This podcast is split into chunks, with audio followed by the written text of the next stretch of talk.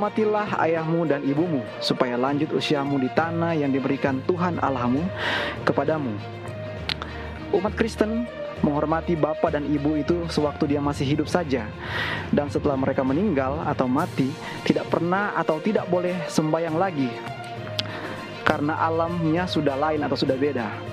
Secara kenyataan atau fakta, kita tahu bahwa dengan adanya nenek moyang kita, Adam dan Hawa, manusia yang pertama di dunia ini lahir, para leluhur kita sampai pada kita sekarang itu asalnya dari mereka.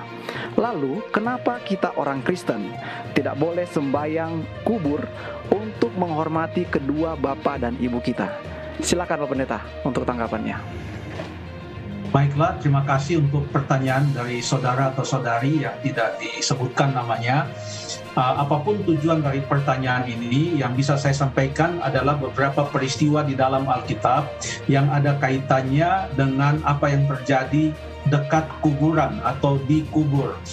Uh, Alkitab mencatat beberapa peristiwa, contohnya yang terdapat di dalam uh, Yohanes pasal yang ke-11.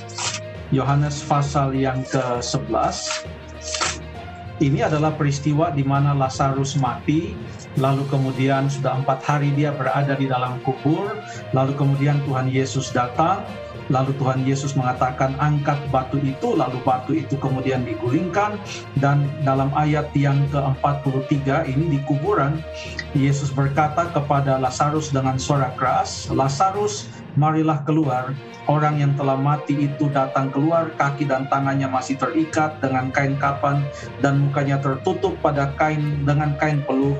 Lalu kata Yesus kepada mereka, bukalah kain-kain itu dan biarkan ia pergi. Ini peristiwa yang dicatat yang ada kaitannya dengan apa yang terjadi dekat kubur atau di kubur atau kuburan, yaitu Tuhan Yesus membangkitkan Lazarus dari antara orang mati. Lalu kemudian yang terjadi juga di dekat kubur, sebagaimana yang kita tahu banyak dicatat di dalam kitab Injil, contohnya Matius 28, Lukas 24, Markus 16, Yohanes pasal yang ke-20. Ini adalah tentang kebangkitan Tuhan Yesus. Pada waktu itu maka uh, Maria datang pada pagi-pagi itu ke kubur, tapi ia menemukan bahwa kubur itu sudah kosong. Lalu kemudian setelah dia temukan kubur itu kosong, ternyata uh, ada yang menyapa dia dan kemudian dia mengetahui bahwa yang menyapa dia adalah Tuhan Yesus yang telah bangkit. Sebenarnya tujuan Maria datang pagi-pagi adalah untuk membawa rempah-rempah dan lain sebagainya. Lalu kemudian yang berikut adalah yang terjadi pada kuburan adalah uh, di dalam 1 Tesalonika pasal yang keempat ayat 15 sampai ayat yang ke-17 yang menggambarkan bahwa pada waktu kedatangan Tuhan Yesus yang kedua kali maka orang-orang yang sudah mati akan uh, dibangkitkan. Itulah beberapa informasi Alkitab tentang apa yang terjadi dekat kuburan atau di kubur. Nah, kemudian mengenai pertanyaan dari saudari atau saudara kita ini, uh, mengapa kita tidak sembahyang kubur? Saya kurang memahami apa yang dimaksudkan dengan sembahyang kubur, tapi saya berasumsi ini artinya kita datang ke kubur lalu kita berdoa di sana mungkin mendoakan uh, seseorang yang telah meninggal dan lain sebagainya. Kita ketahui di dalam pengkhotbah pasal yang ke-9, pengkhotbah pasal yang ke-9 ayat yang kelima dan ayat yang ke-10 saya akan baca ayat ini. Ayat ini berkata, karena orang-orang yang hidup tahu bahwa mereka akan mati, tetapi orang-orang yang mati tidak tahu apa-apa, tidak ada upah lagi bagi mereka, bahkan kenangan kepada mereka sudah hilang lenyap, baik kasih mereka, kebencian, kecemburuan mereka sudah lama hilang. Lalu kemudian ayat yang ke-10 untuk segala sesuatu yang dijumpai tanganmu untuk dikerjakan, kerjakanlah itu dengan sekuat tenaga, karena tak ada pekerjaan, pertimbangan, pengetahuan, dan hikmat dalam dunia orang mati ke mana engkau pergi. Jadi orang mati betul-betul mati, tidak ada pertimbangan, tidak ada kasih, tidak ada kebencian, tidak ada pekerjaan, berhenti semuanya karena sudah mati.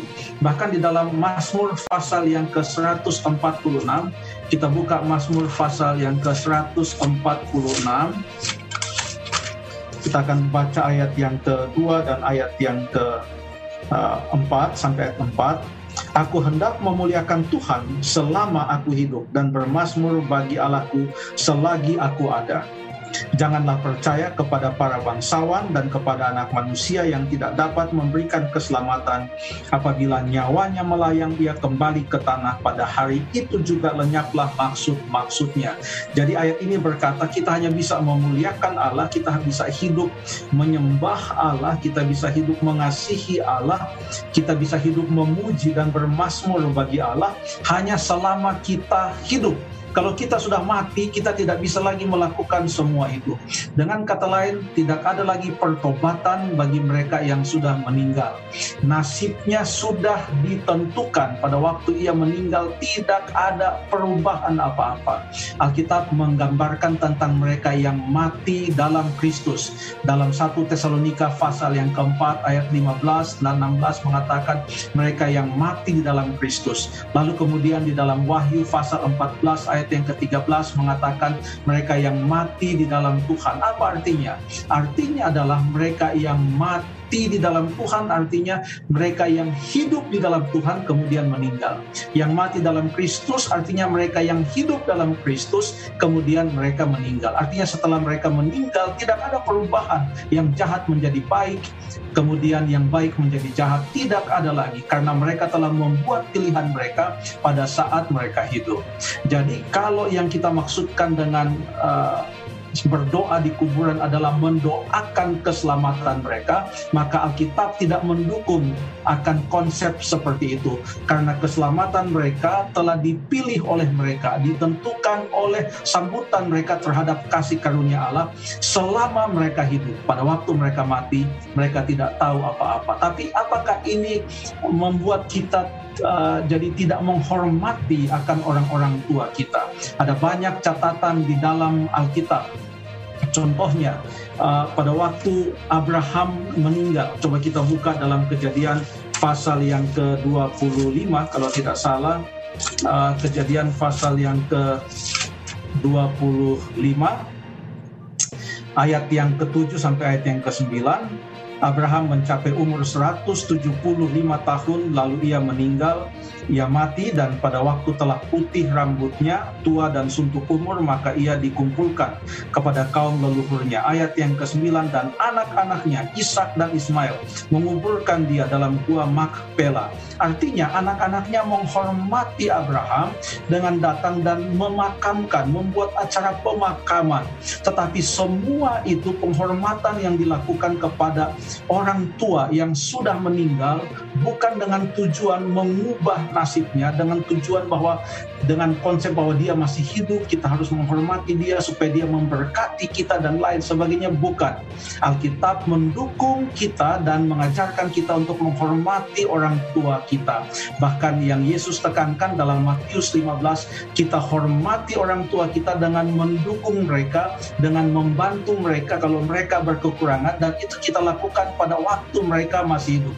Setelah mereka mati apa yang kita lakukan, kita membuat acara pemakaman, kita makamkan dengan baik dan lain sebagainya. Apakah kita boleh datang ke kuburan mereka dan lain sebagainya?